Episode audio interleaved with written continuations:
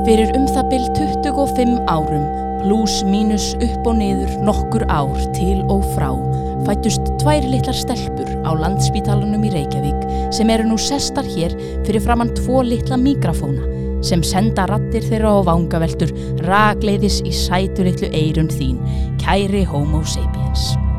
Þær eru sestar hér, þessar litlu eða stóru stelpur, til þess að velta fyrir sér menningu, hugarstarfi og hegðun homo sapiens, fullorðins fólks, breyskra manna, klókra kvenna og þær vilja skilja af hverju. Af hverju fólk gerir það sem það gerir. Af hverju það hugsar eins og það hugsar, af hverju það elskar það sem það elskar, af hverju það er svona eins og það er. Og þessi óvísindarlega, fáránlega, rugglaða en skemmtilega rannsók kallast. Þetta fullorna fólk er svo skrítið.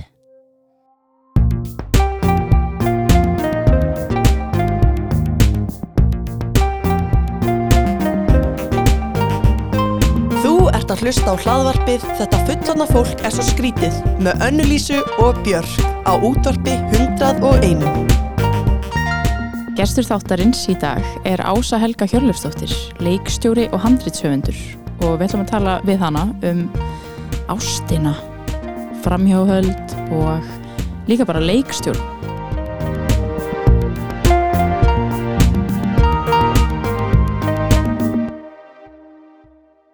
Velkomin til okkar, Ása, Já, velkomin. að tala um ástina.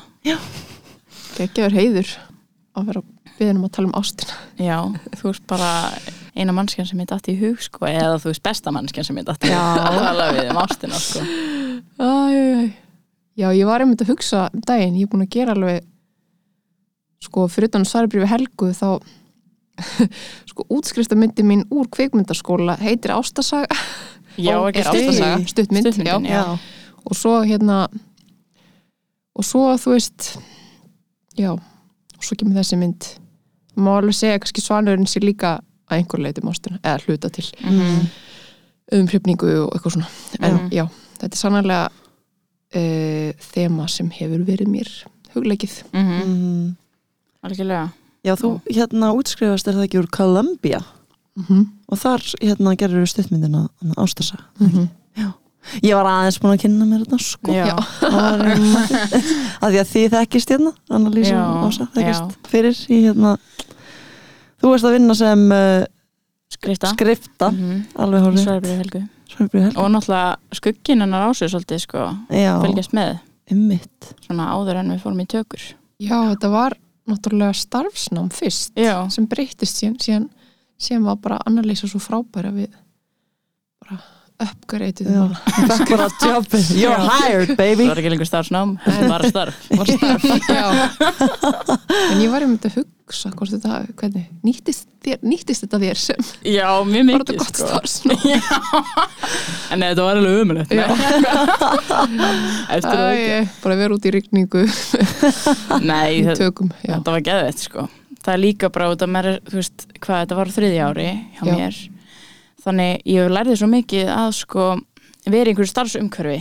Því ég er búin að vera, þú veist, þá í tvö ár í svona svolítið bómull í skólanum. Já, já, já, og svo var þetta bara, heyrðu bara, þú veist, harka.com sko. Já, og hvað þá líka á ströndum úti eða þú veist, já. og bara líka, þú veist, allt krúið, þú veist, blanda, af, þú veist, íslensku, fólki, hollensku, eisnesku, þú veist, bara Vá alveg crazy, sko. Allir, og allir undir ykkur biluðu álægi Já, allir byrju og álega. svona alls konar hliðar fólks Já. Já, sumir svona smá að brjála Viti saman og maður verður að gráta í, á kam kamrinum. Nei, píti, hvað saga er að fæðast þérna Hún er ekki að fæðast, hún, hún, bara Hún er bara svona slæta. Hún er bara slæta. Við leifum henni bara svona slæta í burtu. Já, en það var samt í alvörunni, hérna, það var lært, um sitt, sko. Já, að gráta hennar kamri sko og fara svo aftur út Nei en líka bara þú veist fylgjast með þér vinna og hérna já, mm.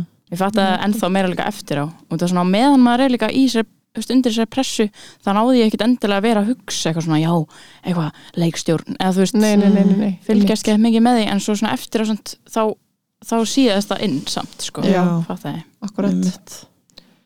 Já, þetta er svona skrítið starfstundum að vera leikstjóri eða þú veist, þetta er einhvern veginn svona þetta er svo ótrúlega margþætt og og stundum einhvern veginn, ég man einhvern tíman í skólanum þá í Kolumbía einmitt þá var eitt kennar sem sagði hérna, directing is about being efficient, not right. Eða þú veist að í rauninni snerst það, maður er að passa upp á það að vera ekki einhvern veginn með á heilanum að vera einhvern veginn alltaf að þú veist, reyna að sérmera allir með, allar með einhverju rúsleiri sín eða, eða þú veist, passa að allir vissu hver væri bossin hérna, þú veist, gerðu svo vel eða eins og sumir kannski heldur kannski að starfi væri. Mhm. að hérna auðvitað er mikilvægt að þú ná að vera að sannfæra fólk um þína sín og þú veist og allt það. En, Mhm.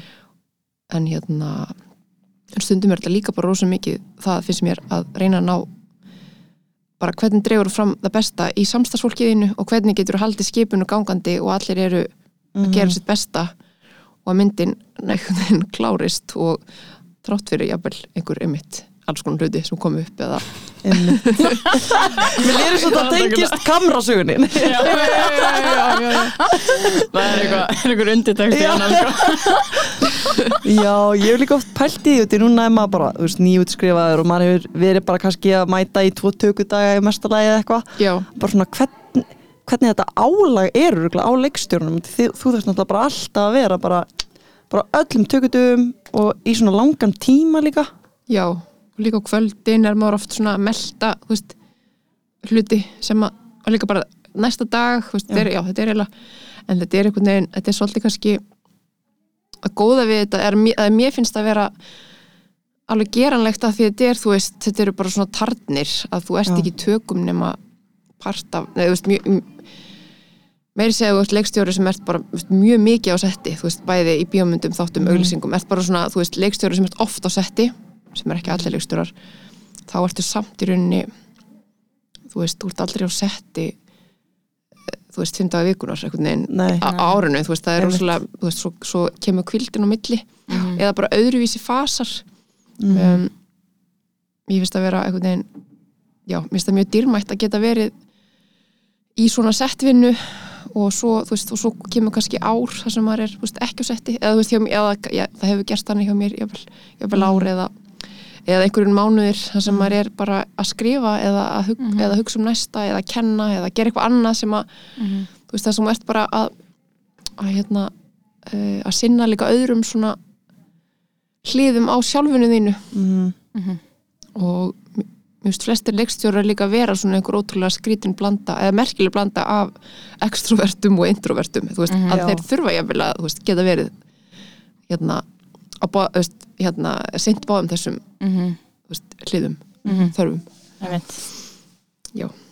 Einmitt. Mér, mér er mjög gott að þú segir þetta ég oft hugsa, þú veist, en já að, maður sér svona sumarleikstur að það sem manni finnst eins og þeir þurfa líka að vera geðveitt extrovert, ég held þú en verð þú ert reyndar ekki bara extrovert Nei, ég held maður, ég held maður verði einhvern veginn að hafa gaman að því þegar það kemur að, þú veist, tökunum og, og bara, Mhm. og þetta er náttúrulega rosalega mikið bara að vinna með fólki og bara lesa einmitt alls konar fólk og Mhm. talandi um þetta að reyna að vera efficient eða draga, eða vera svona eins og þú veist, draga fram það besta í fólki að, Mhm. og svo ertu kannski að vinna með fólki sem þú voru aldrei vinna með áður þú veist, úr okkur um öðru menningarheimi bara einhvern veginn, og að já, mist oft mjög mikið bara snúast um það að þú ert að reyna að lesa veist, hvernig mannski er þetta? Veist, hvað, einhvern veginn einmitt, hvernig er hún hvernig líður henni best, hvernig get ég hjálpað til þess að henni líði vel, einhvern veginn og bara þú veist, og það er já. En svo það líka vera já, ég held að, já, ég svo er þetta bara, svo er allir gangur á því. Sumi leiksturar, eru líka bara funkar betur í setti og þá kannski eru þeir ekki mikið að skrifa handrit eða þú veist í, í þeirri vinnu og bara sækist eftir verkefnum sem eru tilbúin.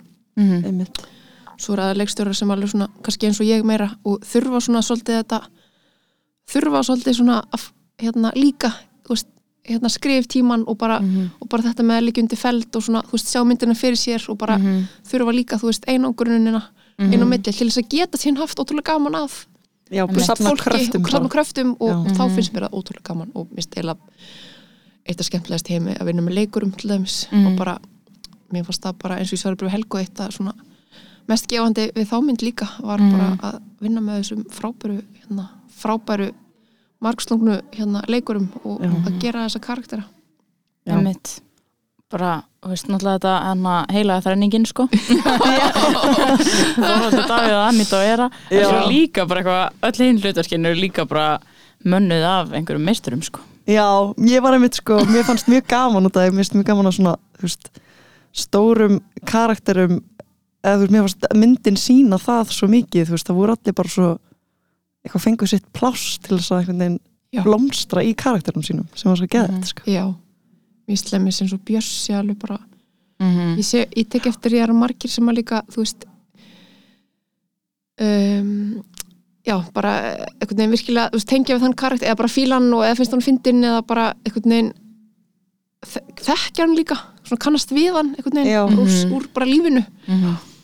Um, þannig að já, það er það er útrúlega mikilvægt líka að gera trúverðuga þú veist, trúverðugur auka personur Mm einmitt. Já, það vantar oft upp á það.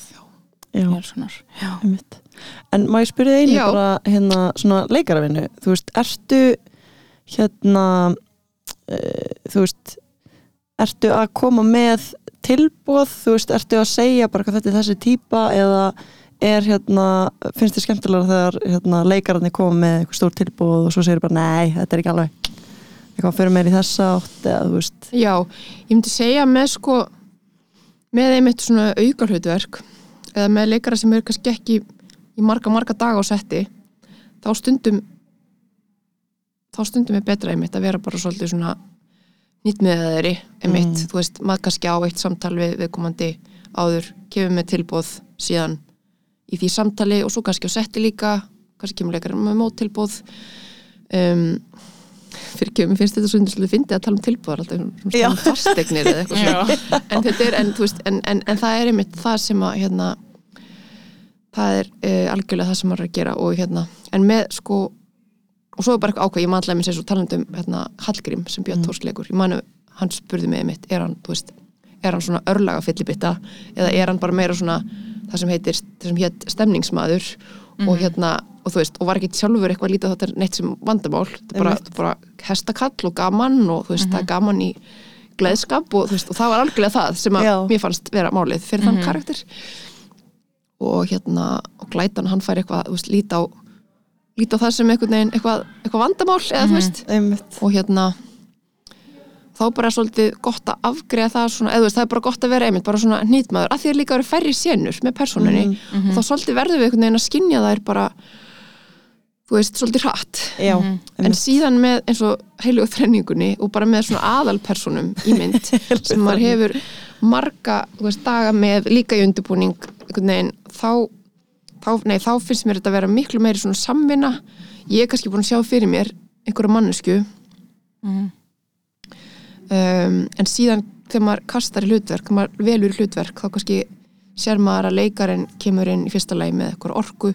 Maður velur leikara oft út frá orkunni sem að leikarinn kemur með inn í svona heldar heldarmixið mm. talað um svona metafórur úr öðrum heimi bara fastegnum með, því þú stundum finnst mér bíómynd vera svona eins og bakstur eða eitthvað, maður er svona baka já, já, já. þú ert að koma með efni, þú ert að koma með ráefni og þú veist, og allt, allt getur verið bara, allt er einhvern veginn hefur áhrif á myndina og þetta er, mm. þetta er svona svo efnafræði bara Mhm. og þess vegna er þetta oft bara svo innilega ekki persónlegt eins og með já, já. þetta er oft bara eitthvað svona þú veist, ef maður velur ekki hlutverk þá er það líka mjög oft út af því að bara, það var ekki þetta var bara ekki rétta veist, orkan fyrir já. einhvern veginn heldar bara of mikið liftituft. Já, eða mikið liftituft, og springur allt Já. og hérna og þá, þú veist þannig að hann, þú kannski, já, þú kannski velur að ég sem leikstjóri vel leikara út af einhverju orku, en líka út af einhverjum hugmyndum mínum um, þú veist maður er líka svona, maður er líka ímynda sér, þú veist, Mm. hvað, hvernig þú heldur að þessi leikari, Mhm. þú veist getur hérna, hvernig þú heldur að hann eða hún muni fara inn í eitthvað hlutverk Mhm. og gera það að sínu og gera, Mm. veist, brey- og gera persónuna að persónu af hold og blóði sem er alltaf bara ótrúlega spennandi að því maður veit ekkert alveg, maður er líka bara pínu stundum að veðja á eitthvað og maður veit ekki alveg hvað gerist já, og hérna um, og þá byrjar bara eitthvað svona ótrúlega skemmtileg kreatív vinna sem ég eftir mjög mikil samvinna og bara svona, ég kem með, þú veist, mínar hugmyndir og líka ástæður fyrir valinu og, en svo koma þau leikararnir með sitt allan sinn farangur líka bara úr sínu lífi mm. um, og bara einhvern veginn, svo, svo byrjar eitthvað svona samvinna og, svo, og þá er oft bara svona margir margir fundir og þá kannski kemur maður með eitthvað tilbúð varandi eitthvað svona eitthvað ákveðna hluti en ég myndi segja þetta er alltaf eitthvað svona bara, já, þú ert bara svona, maður er svona saman að, samtal að búa já. til eitthvað, Mhm. eitthvað personu Já. og, og svo þú ert búin að gera svona grunnvinnuna í því þá getur, þá er mitt kemur svona alls konar skemmtilegt bara, þú veist, einhverju svona dítilar þú veist, allt í hennu kannski mitt uh, föttu við eins og með Helgu, ég hefur já, hún er kannski bara svona meira í buksum líka, bara svona, bara svona Mhm. búninga eða eitthvað svona, Já. já, hún er kannski bara svona, hún er ekki með svona skuplu og hún er á haustum og hún er oft í buksum það er útrúlega gott fyrir hennar svona smá hann að Catherine Hepburn í sveitinni, einhvern veginn típu Já. eða skilur bara, ég ætla að vera hérna minn eigin ég er hérna nútíma konan í þessari sögu já, já, já. og hvernig maður getur og þá allt í hennu fer maður, þá, þá fer maður að vera svolítið svona bara í syngi með leikaranum og fær svona hugmyndir. Mm. Og, þá, og stundum mann ég ekki eins og hver fekk hvað hugmyndir sko. eða þú veist, var nei. þetta svona hluti Nei, einmitt þá er örgulega gott flæði í gangi sko. Ef hugmyndunar eru bara einhvern veginn að koma svona whoop, að ofan Já. grípa og þess vegna er einmitt mjög gott talandi um búninga, þetta er eitthvað sem ég veist, sérstaklega kannski maður er að vinna með búningahönnuði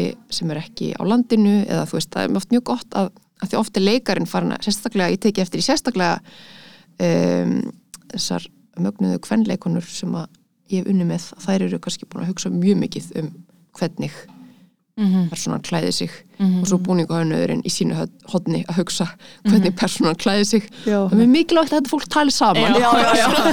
það sé ekki bara ó, þú veist, er ég í þessu? Eða þú veist, þá alveg svona einhvern veginn, og það gerist alveg svoleiðis til dæmis, að því að Eugen búningahönnurinn í Svarbjörn Helgu algjör snillingur, hann gerði líka búningana í hérna, Tofi Jansson myndinni sem bara núna nýju, Mhm. búin að gera margar perjóðu myndir í Skandinavíu í Svíðfjóð og Danmörku og, og núna á Íslandi líka og hann hérna en hann er náttúrulega bara, þú veist, líka einmitt hann, var, hann kom oft til Íslands, gerði eins og mjög rannsóknarvinn og hann gat, en hann getur náttúrulega ekki alveg, verið bara inn í höfðinu á líka, þú veist, okkur heru eða við, og við erum að þróa persónuna eða Já, mér og Anítu og, já. Og þá er bara svona, það er bara mikilvægt að halda samtalinu. Já, já, já, já, einmitt, einmitt. Eitthvað skrifin þetta niður. Einmitt. Já, já ég, ég var eitthvað að hugsa á þann hérna út af ég mann í ræðunniðinni á frumsýningunni Já. og varst að tala um þegar að Birgitta var að reyna að óta þessari mynd að þér. Já, og hérna þú uh, talar um að vera svolítið lengi svona eitthvað að finna mm veist, finna þig og finna þína kannski tengingu við hana. -hmm. og svo kom hún hana í hótelherbyggi eða ekki? Mm Já, Já, ég var sem sagt í bara, ég var í vinnuferð út af Svaninum. Ég var Já. bara ein í eitthvað þrjá nætur á hótel í Hamburg og var þegar ég svona veginn, já, þegar þetta svona kom til mín svolítið, Mhm. bara já, mér vantaði einhvern veginn líkilinn ég fann að mér vantaði svona minn líkil mhm, að þessu verkefni ef ég ætla að taka það að mér. Mhm og þá kom þá komu uh, já og þá allt í hennu svona þá allt í hennu kom þetta til mín uh, út frá þetta byrjaði alveg sem samtal við Gunna mannin minn. Og hann fór að rifja upp ykkur samengi þessar ljóðlínur sem er ekki bókinni heldur er úr öðru ljóði völuvísu.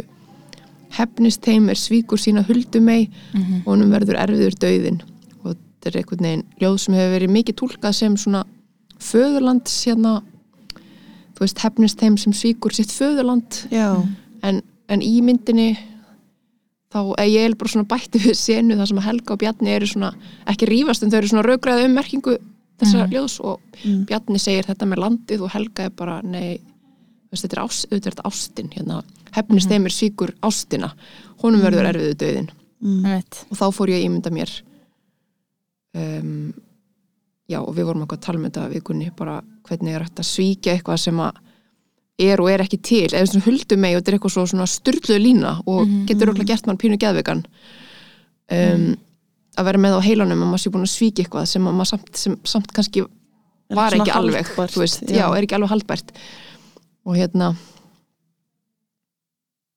sem er kannski stundum eins og ástin eða hugmyndum hugmyndum ást getur verið Mhm. Og þá allt í hennu, já, þá allt í hennu kom bara svona uh, þá kom allt í hennu svona, uh, þessi mynd, bara allt í hennu bara svona fór hún að byrstast mér. Og ég fór að sjá þessi andlit, þessi þrjú andlit þessara persóna og hvernig þau varu öll þjökuð af þessu á einnið annan hátt. Já, svona valdi ég rétt, var ég ah, þú veist, er ég, hérna, er ég að svíkja eitthvað eða eitthvað eða um, og kannski sérstaklega Bjarni sem er þjakaður af þessu.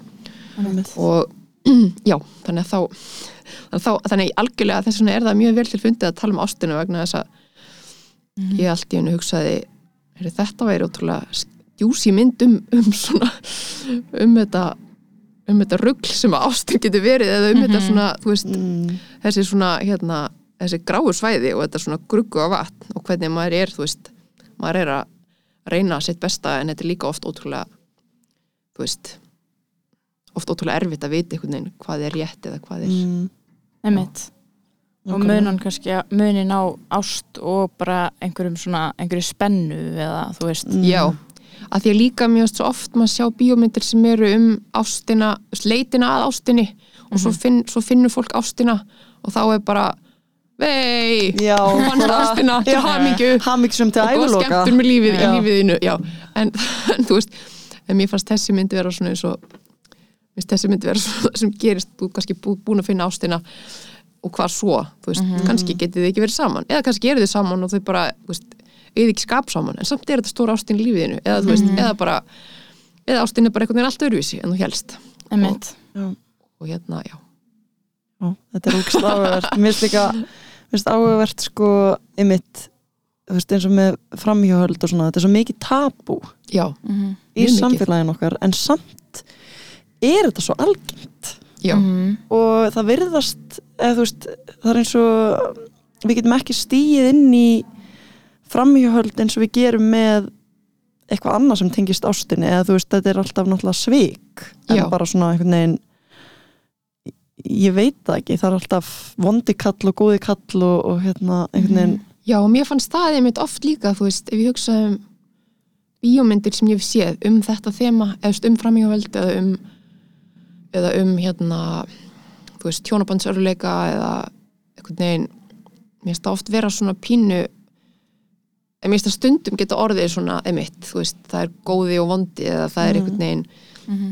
eða hlutinir eru rétt þú veist, þetta aðarpersonunum er hlýft svo mikið að maður bara, já, auðvita þú veist, já, auðvita þú veist, hérna, leitar eitthvað annað eða auðvita mm, og en mér finnst það, mér finnst það spennandi að gera mynd þar sem að að reyna að gera mynd, þá var ein af svona tilrunum mínum með þessari mynd, að gera mynd þar sem að, þú veist það væri einmitt ekki hægt að segja þú veist, hver hefur rétt fyrir sér eða hver hefur rátt fyrir sér, heldur eru allir bara að reyna sitt besta og allir gera mistök og allir eru, þú veist, bara bara alveg búin að svíkja en, en allir eru líka alveg, en það er líka alveg hægt að halda með þeim áfram og einhvern veginn. Mhm.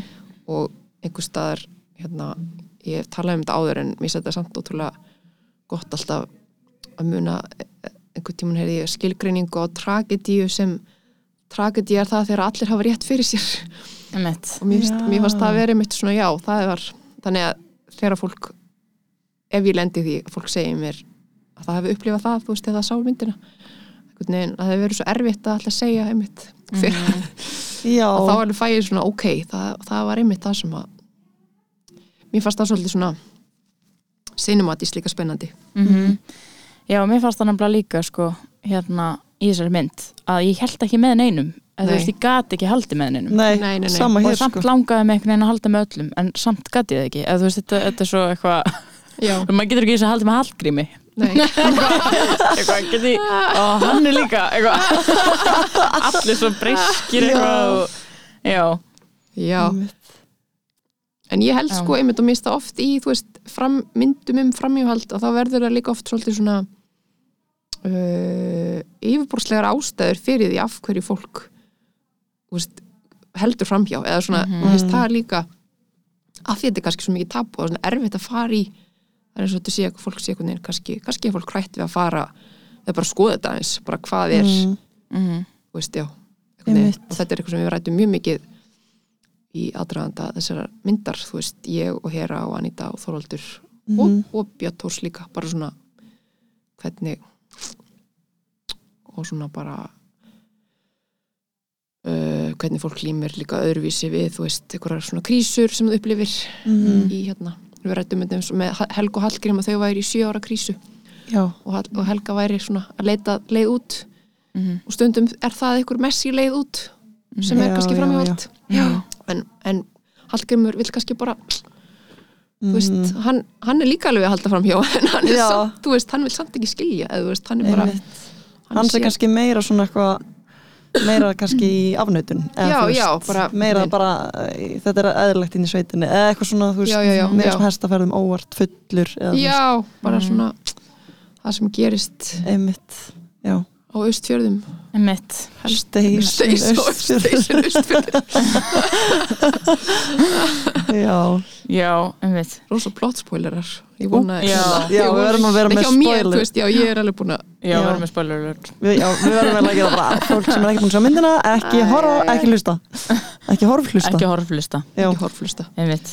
Já, þetta er eiginlega magna líka sko, þú veist hvað, og þessi mynd á að gerast fyrir hvað næstu í 80 árum. já, Um, og, en þeim mun eiga svo mikið við í dag Mhm. og þú veist hvað, hvernig við sjáum ástina ennþá í dag. Þetta er ennþá svo hérna eitthvað svona íhald samar pælingar, eða þú veist. Mm. já, og ég held að það sé ykkur svona ennþá einmitt, það er þessi rosalega svona fullkomnunar árátta Mm í manni að vilja trúa því að þú veist að maður hérna að það sé já, það er einhver ein, einhver einmanneskja fyrir mann og maður það bara að finna hana og svo Mm. finnum maður hana og allt er fullkomið og þú veist ég, ég trúi, ég trúi ég verð samt að segja að því eldri sem ég verð því meira trúi ég á ástina og svona Mm. því ég var yngri þá var ég einhvern veginn ég man því ég var bara um tvítugt eða eitthvað þá var ég svona, þú veist um, ég trúða ástina en ég var samt líka einhvern veginn, mér varst líka gaman að lesa svona kaltæðina texta um ástina um hvað, þú veist, -hmm. einhvern veginn en mér finnst það ekki skemmtilegt lengur og ég eiginlega bara trúi mjög mikið ástina og, Mhm. og hennar, þú veist, bara drif, eða bara kraft og bara og hérna og hérna svona getu ástarinnar til að bara svona move mountains eða þú veist bara Já. það er að gera svo margt ef maður er hérna ef maður elskar eða, eða Mhm. finnur fyrir ást og Mhm. hérna eða leifir sér að elska og það er einhvern veginn ég trúi, já, meira og meira ástina um, en á sama tíma þá veit ég líka að að hún er einhvern veginn kannski sjaldnast, kannski nákvæmlega eins og maður heldur hún eigi að uh, vera eða, Mhm.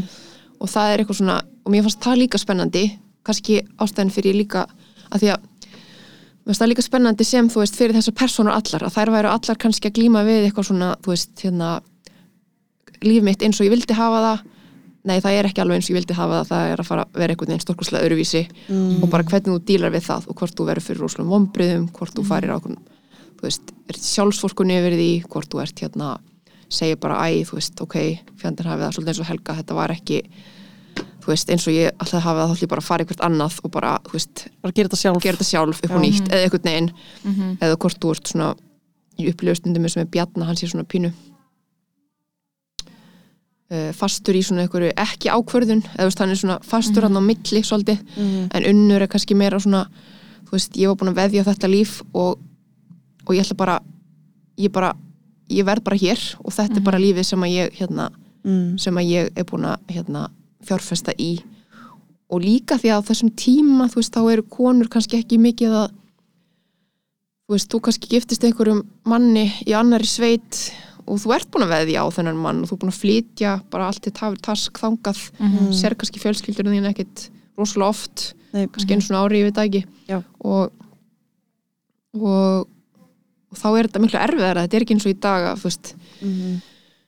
að fara bara og byrja upp á nýtt, en líka bara persónleikin ennars er einhvern veginn hefbundin og hann, eða þú veist, ég, og ég meina það ég, held, ég er ekki að meina það sem eitthvað svona neikvægt sko, ég held að meira bara ég held að hún sé hún er svona hún er bara svona manneskja sem að vill frekar vera kjur í sínu og finna sér leiðir þar Já. frekar en eitthvað svona I fuck it, hérna, ég ætla að fara bara og byrja eitthvað stær upp á nýtt Einmitt. og þær típur eru alveg til nútímanum líka Mhm. þú veist, þessar tvær tegundir af Mhm, fólki en mhm. hérna ég er að reyna, sem ég reyna að segja er að mér fannst þetta spennandi hvernig þau væru öll á þessum svona þú veist, þessum punkti ekki alveg orðin kannski, ekki alveg komin í þú veist, eitthvað sem heitir midlife crisis heldur svona eitthvað svona 30 eitthvað ára krísa eða Mm. veist, late 30s krísa Mhm. eða bara, kannski, geti, kannski er þetta ekki einu svona krísa, þetta er bara staður sem að ég kannast líka við, bara Mhm. sem er bara svona, þú veist þessu hugmynd sem þú hafi verið um lífið þitt versus hvernig lífið þitt er Mhm. Já, og þetta eru Mm. tvær narratífur að skarast og þú ert kannski og það getur verið hérna, já þannig að mér fannst það spennandi já, kannski líka þess vegna valdi ég leikara sem voru á þessum aldri á sama aldri og ég og svona, þú veist, og voru kannski tengdu við þetta, að því að mér styrir líka áhugavert með Svarbrif Helgu, að því að svo margir hafa lesa bókina að þá er svo margir sem að, þú veist, ímynda sér að sagan sé um personur sem eru eldri eða yngri. Í rauninni ímynda sér fólk mjög mikið að sagan sé á þeim aldri sem það sjálft er. Mhm. að því að kannski þetta getur gerst hvernig sem er. Já, að þú viljir einhvern veginn þú veist, að þú farir í krísu og, allt, og stærst að hugsa um hvort þú eru byrjuð búin nýtt eða ekki Mhm. Já. en, en mér finnst það líka áhugavert að svona, þú veist, Mhm. fólk á stundum bara, ertu búin að kasta þessa leikara, þau eru alltaf ung ertu búin að kasta þessa leikara, þau eru alltaf gömul eða þú veist, Já, það er bara já. svona einhvern veginn Já, mitt Allir með sína sín á þessari bók Já. eða hvernig einhvern veginn hún er að verða til já, Mhm. Já, já mér finnst líka þetta er áhugavert með þessar væntingar til framtíðarinnar og svo þess að eftirsjá þú veist, að vera fastur einhvern veginn þarna á milli. Já, þú veist, að vera í eftirsjá með og líka vilja ekki sleppa sko að þú veist, út í ástin getur verið svo eigingjöld þú veist, Já. að vilja ekki sleppa bara takinu. Nei. Heldur bara, ég verð að halda í þetta þetta Einmitt. líf, einhvern veginn. Og nákvæmlega, og nú þú segir þetta þá líka fyrir að hugsa að þetta er svona þetta er einmitt það, þetta er þessi staður sem að, að því þegar maður er, þú veist á ykkar aldri, þá, þú veist, þá getur maður þá er ennþá, þú veist þið getið ennþá valið mjög marga, þú veist það eru margir svona vegir framundan Mhm. en síðan á einhverjum tímpúnti þá ferða að upplifa já, ég upplifið það allir að maður er búin að velja einhvern einn veg og stundum er það bara flott og maður er bara gladur, þú veist Mhm. en það er líka en það er samt eitthvað svona, það eru svo munur að vera komin á einn veg Mhm. svolítið vel á þann veg Mhm. eða vera þarna á þessum stað þar sem eru margir möguleikar. Og, og eins og með Bjarna þá fer þetta svolítið svona ásækjan veist, þessir þessi hinvegur sem ég valdi ekki eða þessi hitt líf sem að og hann er svona fyrir viki er hann svona eins og báðum stöðum. En samt þá hvergi. Já, já. Já, mér fannst ég tengja við það sko, Já. einmitt svona þú veist, þetta að taka ekki bara einhver ákvörðin Já. það er eiginlega versta sem þú getur gert. Já, algjörlega. Ég, ég líka og við, mm ég finnst ég tengja við alla personurnar á einhvern hátt. Já, en þetta er eitthvað sem ég, einmitt finnst þetta að vera mjög og það var leitt að ég líka sem að heitlaði mig því las bókina var svona, veist, með bjarna. Að var þetta, þetta svona já, ég kannast eitthvað við þetta. Mm einmitt. Valkvíða, svona fess, vera fastur. Að vera fastur, já. Í hvaða stjörnum er skert aftur? ég er ljón, Þú veist, ljón, já, Já. einmitt. Já, mér fyrst Veistu- ágúst. Veistu hvað ert með í tungli? nei, því miður. Ok, en ég held að sé einhvern veginn það sem fólk segir oft, þú veist ertu ljón, eða svona eins og þessi hissa. Mm þannig að kannski er ég með eitthvað ekki ljónlegt. Kannski ertu með svona Ljónslegt. vog eða eitthvað. já, Já, en mér er samt alveg ekki sem svo sitt ljón sko, þú er með eld. Já, já, ég mitt mm ég kannski, Mhm. kannski er það bara vóg ég átti Já. að fæðast sko 7. september Já, ertu með vóg í þér? Ok, en ég fættist 1. ágúst en byrju er vog er það ekki, nei, djúk, það er ekki það er meia meia og svo já, já, já. Ertu með vóg í þér? Sko, ég er vóg Getur búin já, ég mitt Vá Já, við þurfum að skoða þetta, við finnum tjartið þitt Já, já. Sko, svolítið gaman að því ég var að vinna tónlistina með Kristínunu Valdísdóttur sem er mjög uh, veit mjög mikið um bara hefur uh, bara er mjög fróð um stjörnufræði og stjörnuspeki og, og hún var búin að gera kort fyrir alla pers fyrir persónulega þrjár. Aha, wow. Eru eiginlega bara að fá eru eiginlega bara að fá hana næst spyr hún út í það, ég man. Já, en það var alveg bara, já, það var mjög hérna manstu eitthvað hvað, einhver, einhvert þeirra var? Ég man að Bjarni átti að vera meia ok, og með naut. Já, svona, þvermóðskan. Já. Já, það var eina sem var Þvermóðskan. Já. Já. Eitthvað. Uh, ég er alltaf svo lítið inn í þessu ennþá sko. Ég er ennþá að læra, Annalís er alltaf að kenna mér. En Já, í ég, stjörnusbygginni já, ég er eitthvað já, nöyt, já, já, er Já, heyrðu þú, það stótt Hello, I'm Já. back. Ok, ok, þá kom draugur. Ok, kom draugur í mækin já, Já, einmitt, með að trúa ástina sko. Mhm. Ég er búin að vera svo mikið í þessum pælingum undarfarið með einmitt ástina og að trúa ástina. Mhm. Og þetta með að ástin veist, að, þetta sé ákvörðun Já. Mm. og gjörð líka. Já. Þannig að hefur lesið All About Love eftir Bell Hooks? Nei, þurftir að lesa hana sko. Þú myndi fíla hana sko. Mm. já. Hérna, þá er hún svo mikið að tala út frá því að ást sé gjörð en ekki tilfinning. Já, og eða sko auðvitað að það að hérna vilja vera elskaður og finna fyrir ást og allt þetta, þetta er allt tilfinning og finna fyrir ást gagvart öðrum.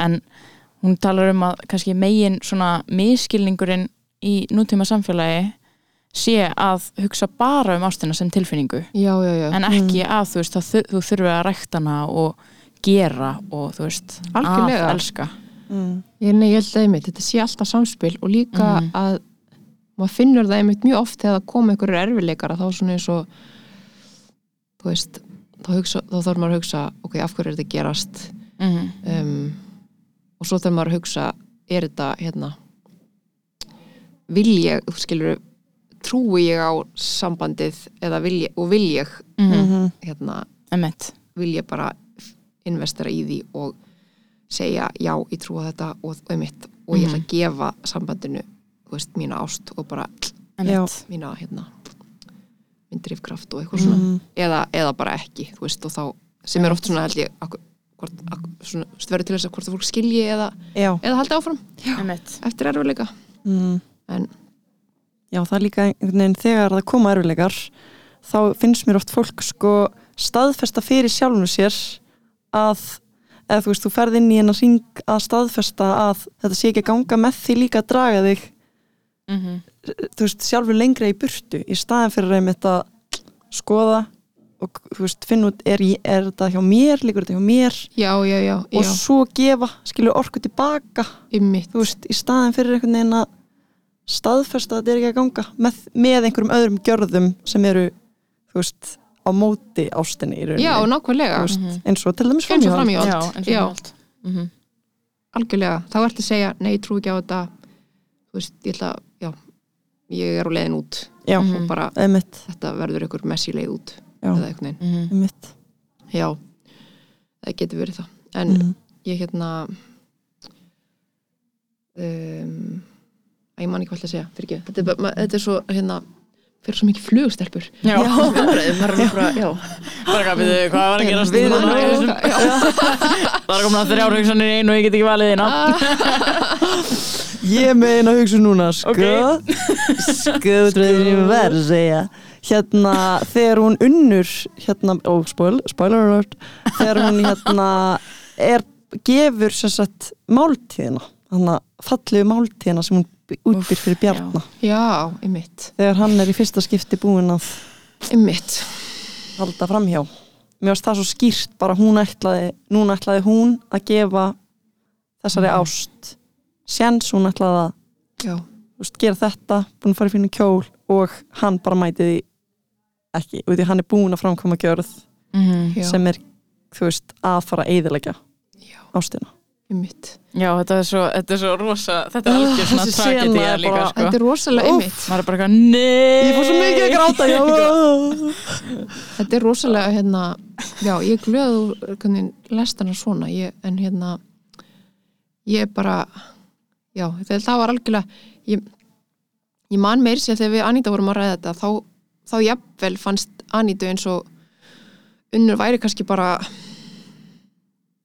sem ég vissi að kannski myndan fara að vera með Helgu Mhm. en hún ætlaði samt að reyna að vera bara að því hún vissi að hún væri bara í einhverju eilífu hérna áfaldistyrtu röskun annars að vita, þú veist hvað annars að, annars að vera kallað það á þessum Mhm. tíma Já. hún vissi að hún væri veist, gæti ekki einhvern veginn hún vissi að hún væri bara veist, að þeirra samband hennar og Bjarna þyrst að vera bara platónst og einhvern veginn þú veist, þau gætu allavega ekki átt þessa, þú veist, líkamlega ást akkurat núna, allavega Mhm. mm. og þá var hún eins og hún væri búin að ákveða ok, ég ætla að vera rosalega grand og ég ætla bara ég ætla kannski bara að leifa þetta og hérna, og bara Mm. og, og einmitt, bara segja honum segja hvað ég get, segja hvað ég get verið örlátt. En síðan þegar Holman er komið og þegar hann kemur heim og hún veit að þetta búið að gerast þá bara nei, ég get ekkert hérna eða þú veist, ég get ekki Já. hérna nei, ég get ekki verið svona ég, eða þú veist, ég Nei. viljið bara illa Já. en ég held að þetta sé bara þetta er algjörlega mjög, mjög hérna um, þetta er algjörlega þetta sem múst að segja sko. í, grunninn, í grunninn að þá er þetta þetta burt því frá grunn dítelum, þá er þetta þetta sem við vorum að tala um bara, nei ég ætla að gefa Mhm. ég ætla að, þetta er Mhm. ég ætla að makiðin er bara að, algjörlega hinum einu við. Úf, þessi sena sko, það er svakalega. Já, þetta er algjör svona sena sem maður er eitthvað Nei, eitthvað the timing. Já, já, bara já, já, já, akkurat já. bara hann nýbúin að gera þetta og hún bara svo bara maður svona býður eftir mm sprengingu. Eða þú veist, þetta er svona Já, veginn Ég man, já, ég man líka að þú veist, við rættum ekkit endilega að Bjarni myndi fara að gráta þú veist, ég held genuinely að bara það hafi all, allir orðið rosalega Mhm. brotn, niður brotnir, þú veist, í þessari senu mér minnir að bara að Bjarni, a.k.a. bara Þorvaldur hafi bara, þú veist, svolítið Mhm. það hafi bara gerst svolítið náttúrulega, hann hafi bara brotnað saman þannig að, þú veist, í, eða skilur sem Bjarni en svona, Mhm. þetta var bara svo já, Já. svo erfitt En þetta var ekki eitthvað svona sem að, var búið að ákveða áður Nei. yfir að þú grátir, eða þú veist það ég líka bara vinn heldur ekki þannig nei. Gráttu. Grátu, Þú segir þetta orð á kjúi eitt tár. Hægra megin Einmitt. Já, það líka hann að önnur sena sem að ég man allt svo vel eftir með þessu óþægileg. Þegar að þau eru að rífast og þú veist, í fyrsta sinn eitthvað svona semi-slást eða skilur og eru að tala með mitt eitthvað svona hérna þú veist, hvernig heldur að mér líði skilur bara ég Já. hugsa ekki um neitt annað en þína tilfinningar þegar Bjarni segir það við unni. Já, já, já. Og hún bara fyrir að hlæja svona já, og alltaf, veist, maður þá er maður bara það er svo óþægileg senna sko. Ég er bara að klóra mér inn í hálsin bara, já, já, já, já, já. Ég mitt, Nei, því ég held að hann sé alveg að meina þetta. Ég held þessu Já, bæði að meina ég held, að hann, ég held að hann hugsi um hana og hennar tilfinningar frá mótni til kvölds. mm en, en, en ég get líka algjörlega skila hvað hún fyrir að skelli hlæja Já. og bara, já, einmitt þú hérna búin að vera alltaf fram hérna og konum Já. næsta bæ Einmitt. einmitt, já, þú Einmitt. rosa mikið hugsa mjög um mín tilfinningar -hmm. en, en hérna, já þetta er, þess vegna er þetta svona akkurat, gott sko. þetta er akkurat þetta þetta er þetta grugguða vatn sem er langar svo að Já. dvelja í af því að ég er eitthvað skrítinn eða eitthvað en ég er svona það er einmitt svona það er einmitt svona sem að svona senur sem ég eitthvað að gera og ég, þú veist, ég elska svona myndir sem að sem að fara bara inn á svona einhver algjörlega ólógísk svona svolítið messi veist, tilfinningasvæði mm í persónum. Mér finnst það spennandi og ég mér finnst það svo oft það er líka kannski um, kannski þú veist maður læri kvikmyndagerð um, allavega maður læri hana ég læriði kvikmyndagerð í bandaríkjunum. Kannski er það meira þar en annars staðar. Þá er þessi svona fókus á þessa hérna hero's journey uh, þú veist, það er, það er aðalpersona sem er að fara gegnum eitthvað ferðalag og oft er hún með eitthvað vilja og svo er hindrun fyrir þeim vilja. Og, og stundum að þá, veist, og ég held, ég veist, margar af mínum uppáhaldsmyndum geta algjörlega farið í þennan flokk. Mm. um, og, og þú veist, og allt okkar líf er svolítið þannig ferðalag líka, maður er með eitthvað vilja og svo eru hindranir og þú veist, raun- þannig að ég er ekkert að, þú veist segja að sá strúktúr sé slæmur, en ég held að stundum að þá getur þetta orðið svolítið þú veist, í bíómyndum þá verður þetta stundum svolítið einfalt með vilja fólks. -hmm. Mm stundum þreytandi með kvikmyndabransan eða með kvikmyndir, hvernig svona þessi vilji er svona eins og bara eitthvað svona eitt og skýrt. Já, Já. Einmitt. óbreytilegt og Mm. hérna á meðan að alltaf mín reynsla af lífinu þá er jú, vilji og svolítið eins og tilfinningar er svolítið abstrakt og flæðandi stundum Mhm. en, svo er, en svo er þetta fyrir bara sem heitir ákvörðun sem er einmitt eins og við erum að tala um veist, það, Mhm. það getur verið bara það getur verið mjög svona steady einhvern veginn, Mhm. að því að maður er búin að ákveða eitthvað Mhm. einmitt Já. um, en svo er þú veist tilfinningalíf vi- vilji, það er eitthvað svo rosalega finnst það mjög, já, getur verið fljótandi og mér finnst það spennandi að skoða það í bíómyndum líka. Mm já, einmitt. Já, að því maður getur haft einhvern veginn þennan utan á vilja eða þú veist, ég get sagt mér sem bara manneskja, bara já, ég vil stefna þangað, en samt kannski innra með mér er einhver tókstrita að vilja Já. akkurát öfugt, Já, eða þú veist nákvæmlega. það er svo skemmtilegt ég mann því að vera mitt byrjuð í kveikmyndanámi þá var ég alveg bara ég var búin að ég var náttúrulega búin að taka bara öll lán í heiminum þú veist, bara fyrir námi í bandaríkunum ógeðslega dýrt God, já. og oh. ég var búin að maksa allt hjá lín og bara og búin að vinna einhverja þrjár vinnur í ár og veist, ég var bara hérna og ég var búin að veð, og þú veist, ég hafði aldrei gert neina stutt, ég hafði aldrei leikstýrt mynd ég var Mhm. búin að skrifa alls konar mm. Og ég sendi bara inn, þú veist, skrif hérna sínisótt, eða þú veist, að Mm. mínum skrifum. Ég var aldrei leikstýrt og ég var aldrei unni með jú, ég hafði einu sinni með leikurum en rosalega lítið, ég hafði gert eitt lítið eitt stutt útarpsverk um, en þá var ég alveg bara okkur með góður, hvað þetta er ekki þú veist, ég var búin að, já, komin að út ég var búin að taka allir þessi lán og ég var bara með rosalega kvíða, bara hvað þetta er ekki þú veist, það sem ég Mm. bara vil gera einhvern veginn, en, en þá var það bara svona, nei, þetta er bara ég er bara hérna. Nú stendur þú bara með Þetta þessu. ég líður rosalega vel. Einhvern veginn. En síðan spytt fyrir eftir svona þrjá mánuði þá, þá fatt að þetta var alveg hérna, þetta var, þetta var gott hérna. Ég, ég, ég var búin að veðja rétt skilur við, þetta var, þetta var alveg rétt stökk. rétt stökk, já. Mm.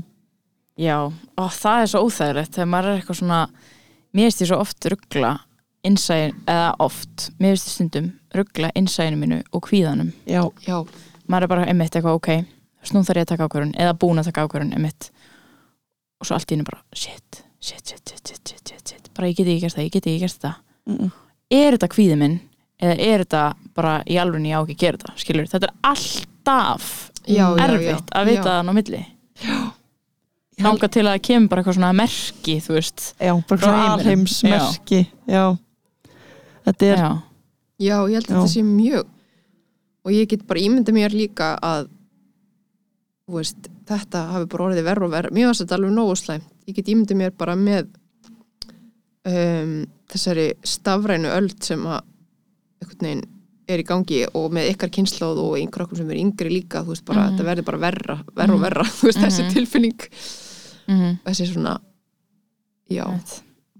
valkvíði og líka bara já, um mitt þú hefur einhvern veginn aðgengi að öllu. Eða þú er svo mikið val þú fer á Netflix og þú getur bara það er hægt að festast í bara að reyna að velja mynd, skilur, nú er ég bara að taka smátt dæmi, skilur já, Mhm. já, núna er þetta orðið, þú veist, þú getur farið í rauninni bara, þú veist, eins og bara sem leikarar í dag, þú veist, það er flesti leikarar geta sendt inn pröfu rafrænt, þú veist, inn í skóla ef út í það er farið, þegar maður er að tala um yngri leikara sem er eftir að menta sig, þú veist um mitt og þá er valið orðið bara, þú getur sótt um einhverja 30 skóla eða Einmitt. eitthvað, í staðan fyrir að vera bara, hérna eru þrýr skólar sem ég áhuga á, já, Mhm. ég ætla að fara og já, Mm. einmitt Mhm. já, úf, það er rúglega sko en ég held líka að maður geti sko æft sig í út af því ég er líka, þú veist, ég er svona aktíft að æfa því að reyna að hlusta bara, ok, hvað er göttið og hvað er Mhm. kvíðin og þú veist, Mhm. að einhvern veginn alltaf, einhvern veginn alltaf því ég tek mér smá bríðir og tek bara fimm minútur til að hlusta bara Mhm. á mig, þá Mhm. er eins og svarið kom alltaf. Mhm. já, Það kemur alltaf til manns ef Já. maður ef maður tekur ákvörðun um að vilja einhvern veginn horfa inn á við. ég, ég, ég veit ekki hvernig útskýra Já. þetta já, en, algjörlega en það að taka ákvörðun að horfa inn á við er líka skeri já að fá svarið mhm. einhvern veginn, veit ekki já, svo getur maður líka sko farið að gaslæta sjálfan sig í eitthvað svona, já, ég er auðvitað bara kvíðin eða skilur en svo er Mhm. það já, en ég held ég sé alltaf að vera aðeins betri að Já. fatta þetta sko Já. en þetta er svolítið og þetta tengist líka ástinni sko Þess, þetta er eiginlega sama, þú veist, bara Mhm. eitthvað svona er þetta, þú veist er þetta bara erfitt núna í smá og ég á að halda áfram eða þú veist, Mhm. eða er þetta bara á þetta ekki að vera svona? Mhm. mm -hmm. þetta er, fólk er alltaf þess vegna er líka svona mikið um ástina. Og þetta er bara alltaf svo flókin þetta er alltaf bara svo þetta er bara alltaf svo flókin Góna góð. Já, bara algjörlega sko. Ég bara minnst ég búin að vera, já, minnst ég að þessi bíómynd er einhvern veginn líka bara um það. Já, um mitt og þetta er hvað þetta er flókið sko. Mhm. Já, þetta er Já, ég, sko, nú er ég búin að vera með manninu mínum, manninu mínum. Giftum okkur í fyrra, minnst ég skrið, alltaf ég hef skriðið að segja þetta. Hamingju, Takk, í Giftum 11 líka í ár. Hei, giftinga systur. Já, og þú veist, við hefum gengið gegnum ansi margt frá því við vorum sko 19 ára. eða þú veist, þá byrjuðum við saman. Já, það er crazy ymmit, alltaf að taka þessa ákvörun aftur og Mhm. aftur bara, við ætlum að vaksa saman við ætlum að vaksa saman, þú veist. Mhm. og líka þá að vera örlátur með að sko ekki stoppa drauma hvers annars út af því að akkurat þessum árum þá þá gerir maður svo mikið af svona ruggli sko. Að þú veist, einhvern veginn að að vera örlátur á það að þú veist, gefa hvort ön, öðru það að, að hérna þú veist, að upplifa draum okkar þú veist, eins og hann fór út í hálft ár við vorum fjársambandi, ég fór út í spuna í New York og LA og eitthvað svona en þú veist, það var bara fjársambandi eru líka alltaf fokkin erfitt, erfitt sko Mhm. já, algjörlega og það er rétt sem hún segir, það er einhvern veginn allt öðruvísi að að hafa verið saman á þessum árum held Mhm. ég um, en eins og já, eða þú veist, ég, ég byrja með mínum manni því ég var þrítug veist, það er allt öðruvísi, einhvern veginn Mhm. og líka ég var komin heim og námi og Mhm. búin að vera í útlöndum í mörg ár Mhm. og svona, Mhm. þannig ég held að sé ég held að sé öðruvísi já, einmitt Já, um, mér finnst líka eitthvað svona með þessi, ég að hugsa á svolítið með hérna, tengist þessi svona þú veist, þessi svona obsessjón sem er með okkur svona narratífu um, ásakið hvað ég sletti mikið narratífu um lífsitt eða hvernig lífið á að vera eða hvernig, þú veist, sambandi manns á að vera þú veist, hvað er maður alltaf að búa hvað, veist, hvernig vinnan á að vera, allt þetta.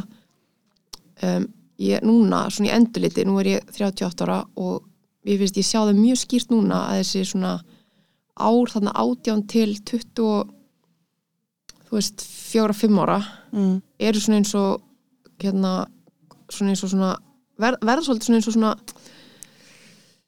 hvað heitir þetta, svona mítológían í lífum hans, eða svo verða svona eins og svona einhverja svona góðsagna kendu árin í lífum hans ekki að því endilega Já, gerist eitthvað stórkostlega merkilegt, merkilegra þar en setna, oft Nei. gerist held ég bara mjög mikið merkilegra setna, eða þú Mm. veist, eða fyrir, en, þú veist, allt ekki merkilegt, ég er ekki meina þannig, ég meina bara að það er eitthvað við það hvernig maður svona að mótast svo rosalega mikið Mhm.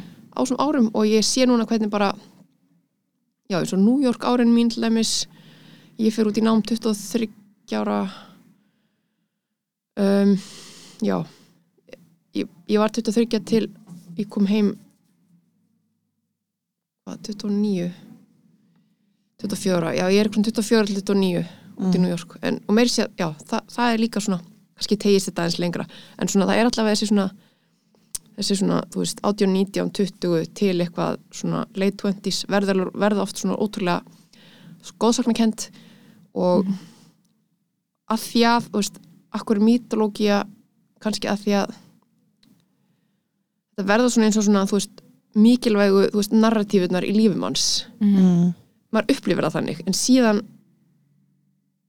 og þá fer maður svona að bera allt hitt saman við það líka, eða svona eða maður upplifir, að þetta var ekki, nei, þetta var ekki þú veist, ég, ég veist, ég hef átt að breyta öðruvísi eða þarna því ég var stödd í þessari einhvern veginn go- þessum, þessari góðsakna kendur reynslu hér, þú veist, Já. akkur breytti ég ekki öðruvísi eða eitthvað svona, Já. Mhm.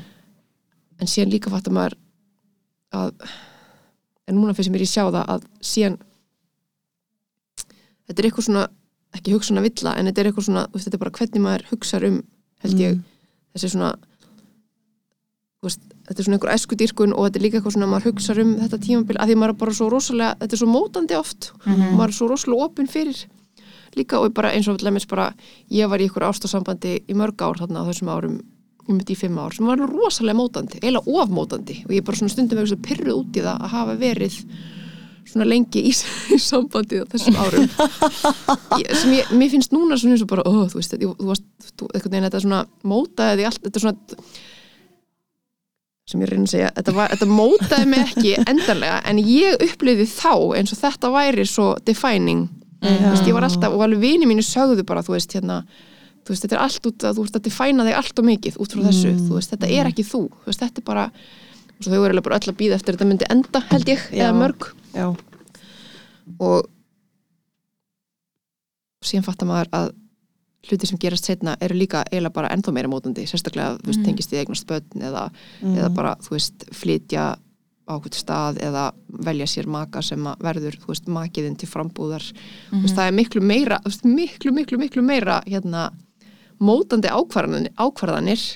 það er eitthvað við það sem að en það er eitthvað svona ótrúlega pressa sem maður er með á þessi fyrstu ár Mhm. Jöps. um að þau einmitt eiga að vera líkillin að öllu setna meir. Svo góðsagna kend og góðsagnakent já, einmitt. Og það, það tengist þessu sem að einmitt, Bjarni Helga og Unnur er gangi gegnum. Mhm. að það er svona neybytu já, að það er eitthvað svona sem stemmir ekki alveg. Já, einmitt. Er þetta ekki út að ég já, ég, smá hérna. ég var alveg já, Já. þetta meikaði sens Já. sko. Þetta er hérna er þetta ekki út að þegar maður er á þessum árum þá er maður einhvern veginn að upplifa allt þetta stóra í fyrsta skipti eitthvað svona. Maður, ber, maður er ekki lengur krakki, maður er ekki lengur úlingur maður ber ábyrð á lífi sínu maður þarf einhvern veginn að maður er einhvern veginn fyrsta skipti ábyrgur fyrir öllum þessum ákvarðan, ákvarðanatökum og, og já, og þegar maður er kannski ball þá er maður svona eins og máta sig við tilfinningar þú veist, fullorðna, já, fullorðina en maður svona ímyndi sér hvernig er það að vera ástfangin hvernig er það í hjónabandsörðuleikum eða þú veist, hvernig er það, ég manlega eftir því að vera þú veist, úlingur og barn og vera svona að hugsa um þetta. Mhm. en hérna, einmitt, en síðan eins og segir, þá er þetta svona, kannski í fyrsta skipti sem maður kemst raunverulega í snertingu við þetta allt. Mhm. og líka, þú veist, minnst þetta líka ég vil að fatta núna, þetta er líka kannski fyrst þegar maður svona, þú veist, kynnist líka karakterum sem að, því að ég veit ekki með ykkur, en mér stundum eins og kar personur í lífinu, það verða stundum svona eins og svona prototýpur, eða þú veist, maður hittir stundum sama fólki aftur, bara annar staðar, bara í einhverju öðru landi, þú veist, þú hittir eitthvað þú er 20 ára, þá ertu kannski hitta þann karakter í fyrsta skipti, þennan, þú veist, svona já, þennan svona, þú veist, stuðandi karakter sem að, þú veist, þú ert einhvern veginn hrifin af henni samt einhvern veginn fokkar úkslega mikið þér, já, eða, þú veist, já, já. svo getur kannski hitta á manneski líka aftur, þú veist, 15 árum síðar. Mm, og þá ertu með alls tilfinningar í garð þeirra manneski út af því að Já, hann minnir þig á, mm, þú veist, prototýpuna Mhm. já, og það er frábær bók sem að Prototýpan og þetta verður einhvern veginn, þú veist, þetta er eins og með bara vini, þú veist, vinasambönd.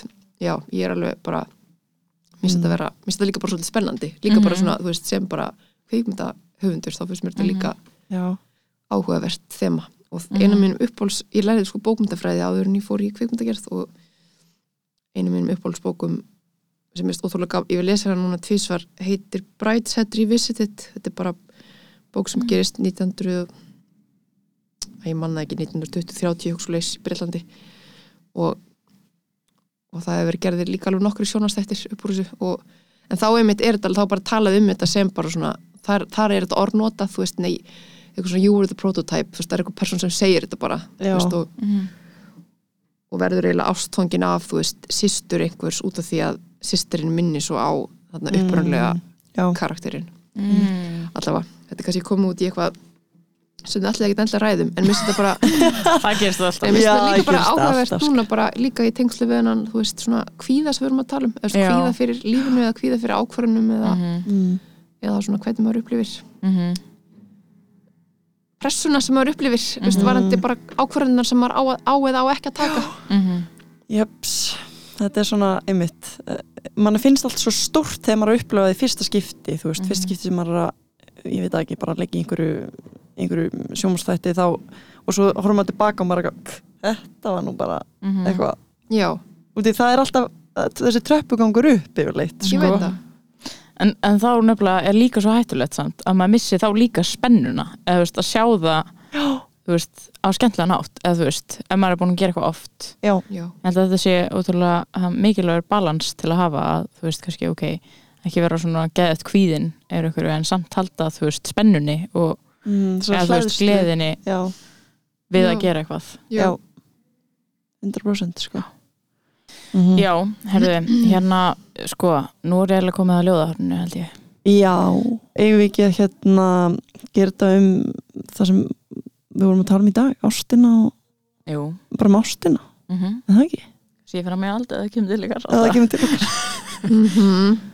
hérna, já, verið hjaltanlega hjaltanlega, verið hjaltanlega velkalinn uh, verið hjalt Kalin, já. Það er svolítið flott. Þetta breytist í vel kalin Já, verið hjaltanlega velkalinn hérna, oh my god. Verið hjartanlega velkomin í Ljóðahort Bjarkar. Með mér hér í dag til að spinna ljóðið er Ása.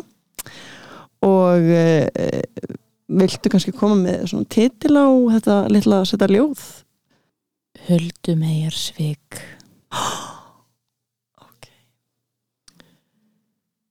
eh, ég sá hana huldu meina og ég brosti til hennar blít hún kom til mín í draumi og vildi vildi vildi eitthvað frá mér. Ég nálgaðist hana en hún fór hratt burt. Og ég reyndi að hlaupa eftir henni. Uh -huh. hún var í grænum kjól eins og mosi.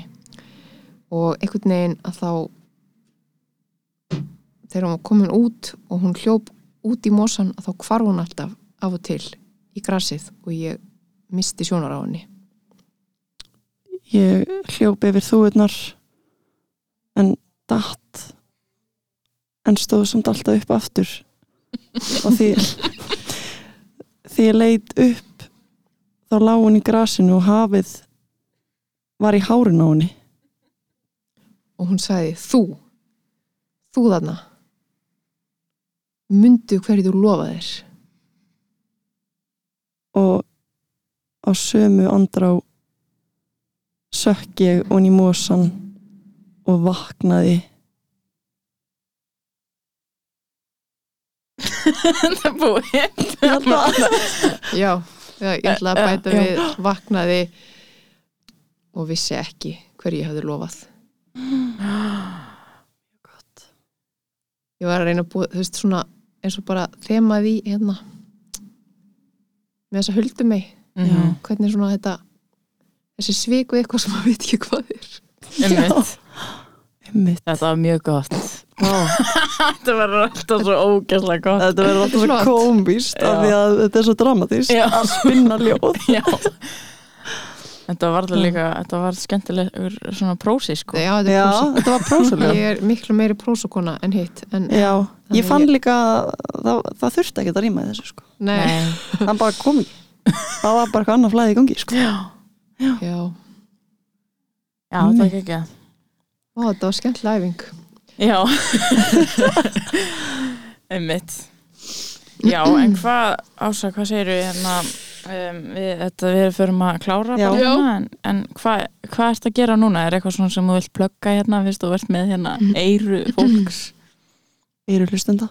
Já, uh, fyrir utan kvikmyndarnar Svarbjörn Helgu sem er sínd í Háskóla Bíó og tjók og Legurársbíó og líka? Bíóparadís með ennskum texta.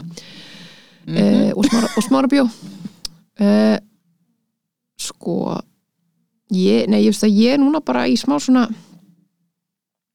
þetta er svona svo andstæðan við plögg. Ég, er bara að reyna svona að heyra hugsanina mínur aftur smá, ég bara er í svona það búið að vera svo rosalega mikið að gera síðustu ár. Mhm. ég var að gera þessa mynd. Ég var að leikstýra verki eftir Ragnar Kjartansson í Moskvu Mhm. mm, og það er Legendary. endurgerð á Sábjóperunni Santa Barbara uh, og við náðum ekki að klára út af stríðinu Mhm. og það var bara já, það var bara mörg ára af undirbúningi líka sko, og svo vorum við úti um, í tvo mánuði mm, og hérna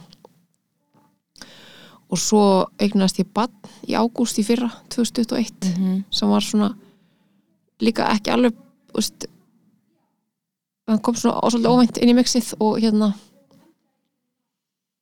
og ég bara já þannig að þegar hann var hvað, tveggja mánuða þá fór ég svolítið aftur að vinna þú veist, að klára hljóðið í Sarbrið Helgu undirbúa Moskvu, svo þegar hann var þryggja mánuði fórum við út til Úslands og, og hérna þannig ég er eiginlega núna smá bara svona eftir að hafa frumsýnt þessa mynd Mm. og sem verður líka frumsýnt Erlendis á næstunni, það verður tilkynnt um það. Mm. von bráðar. Ok. Uh, já, þá er ég bara pínu svona ég, já, ég er svona í, í alvörunni er ég að reyna bara að heyra hugsanir mínar aftur, bara svona Mm, aðeins hérna, að því að ég er með alls konar verkefni í maðunum sem ég hef bara ekki alveg haft tíma til að þú veist, sinna. En Mhm. maður þarf bara svona aðeins stundum að að gefa, maður þarf bara, maður þarf bara literally að gefa verkefnum rými og Mhm. ég er líka búin að vera í svolítið langan tíma og svolítið svona, þú veist goal delivery, einhvern veginn orientir eða þú veist, maður er með svona bara hluti sem þurfa að gerast fyrir ákveðin tíma Mhm. og ég veit, þú veist, svona afmörku verkefni líka bara eins og tengt eftirvinnslunni eða tengt hérna eða tengt hérna sem bara brottför til Rúslands, bara flugmið þú veist, þetta er svona skýr, skýr, skýr hlutir og í grunnina þá talandi um kvíða, þá hef ég alltaf unnið, ég fann einhverja leið til að vinna bug á mínum kvíða því ég var svona frekar ung til, og með því að bara setja mér þessi markmið og bara mæta þeim að mér fannst og bara gera þessa hlut sem ég kveði fyrir einhvern veginn, þannig ég fór að þróa með mér eitthvað svona ótrúlega svona high functional kvíða sem var samt ekkert minni kvíði Nei. þú veist, og mér leiði oft Tengi bara ógislega svo mikið. illa Mhm. en bara rosa svona, bara, þú veist, bara með hérna hafnaballta kyrjum á lofti og bara búm, búm, Já. búm, þú veist og hérna, en, en síðan þá fattar maður líka að það er ekki gott til langstíma Nei, og það kemur einhver tímapunktur þar sem að það er ekki hægt að vinna þannig. Og, og mér núna þá bara langar mér ekki til að mér langar núna til þess að bara vera í einhverju svona óskilgrindu hérna uh, já, mér langar bara til þess að vera með þessi opnu vörðskjöl og bara vinna í þessum verkefnum sem ég er að hugsa um.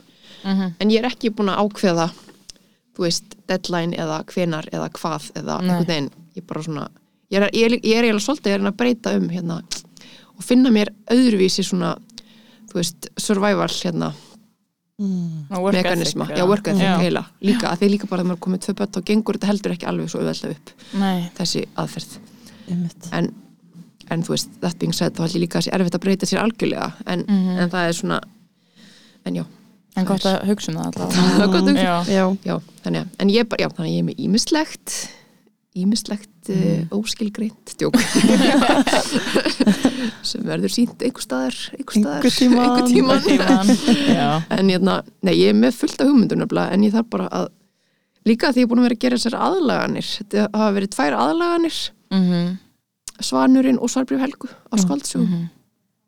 en svo er ég með hérna, ég er líka með hugmyndir. Ég er líka með, ég er líka með verkefni sem, sem er bara, það er svo næstu eins og ykkur annar vöðvi sem þarf að halda í æfingu svona, Já. þú veist, Já. alveg orginalskrif veist, Mhm. og, og maður fer svona gleyma svolítið hvernig maður notar hann veist, smá, veist, eftir að Mhm. hafa unnið eiginlega í 7-8 ár að þessum tveimur aðlugunum Einmitt og, og náttúrulega vera leikstýra þá var líka verki eftir Ragnar og þá er það öðruvísi gangi inn í Mhm. hugarheim annars Mhm. listamanns en já, þannig að þannig að það er ég var að fá uh, nýja vinnustofu þannig Hafnarhaus Já, geggjað með fullt af öðru Já, Hafnar haus skemmtilegu fólki já ég er kannski eftir að vera það líka Ó, Æði. en gaman já, Gæðið þannig að ég bara ég ætla bara mála og já, bara gera einmitt eitthvað svona búa til bara í alvörinni rými Mhm. nýtt rými fyrir Geggjað nýtt Já. tímabil Þetta er Nice. í alveg mjög inspirational fyrir mig Já. að heyra á þetta ég er rosa mikið þessi hérna bara bám, bám, bám með Já. hafnar bóltakilfunni mitt líka Já. sko. Þannig, Já, að heyra anda á það má milli Mhm. slaka á líka Já, og það er ekki feiljur, þú veist, Nei, þegar þú bara segir að ég ætla ekki að vera með þessa kilfur núna. Mhm. mitt En það, það er svona þessi skilur sem ég er að þjálfa mig að hugsa. Já, já Já. Það er þá pínu, en ég er bara að reyna, nei, það er ekki. Nei, það er það ekki. Já, mitt oh, Jésús minn Já, geggjað, bara ég hérna ég hlaka til að fyrst, bara sjá þig anda og, og líka bara hérna heyra meira senna já um hinn verkefnin og, takk fyrir, kærlega. Já, takk kærlega fyrir komuna þetta Já, takk fyrir að koma Já, þetta var æði, ótrúlega gaman að tala við ykkur. Mhm. Og bara líka inspirerandi fyrir mig. mm Woohoo Bye bye Bye!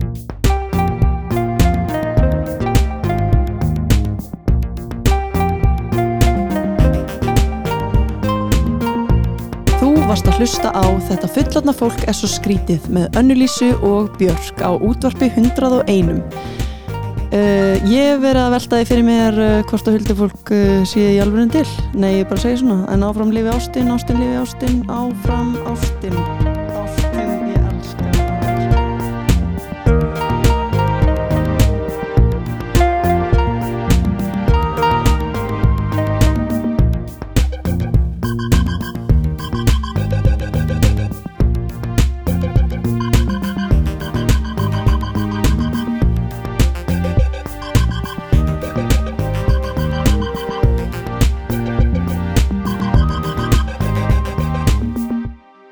Svo komisk á þessum hækjum, sko. Getum við ekki bíla á hverju sko 28? Já. Takk, bless. Þetta er svo gott. Ég var að taka þetta. Getur þetta ekki verið bara endurinn? Jú. Já, takk. Þetta er þetta ógæsla góðið. Oh. Gerum þetta bara eftir.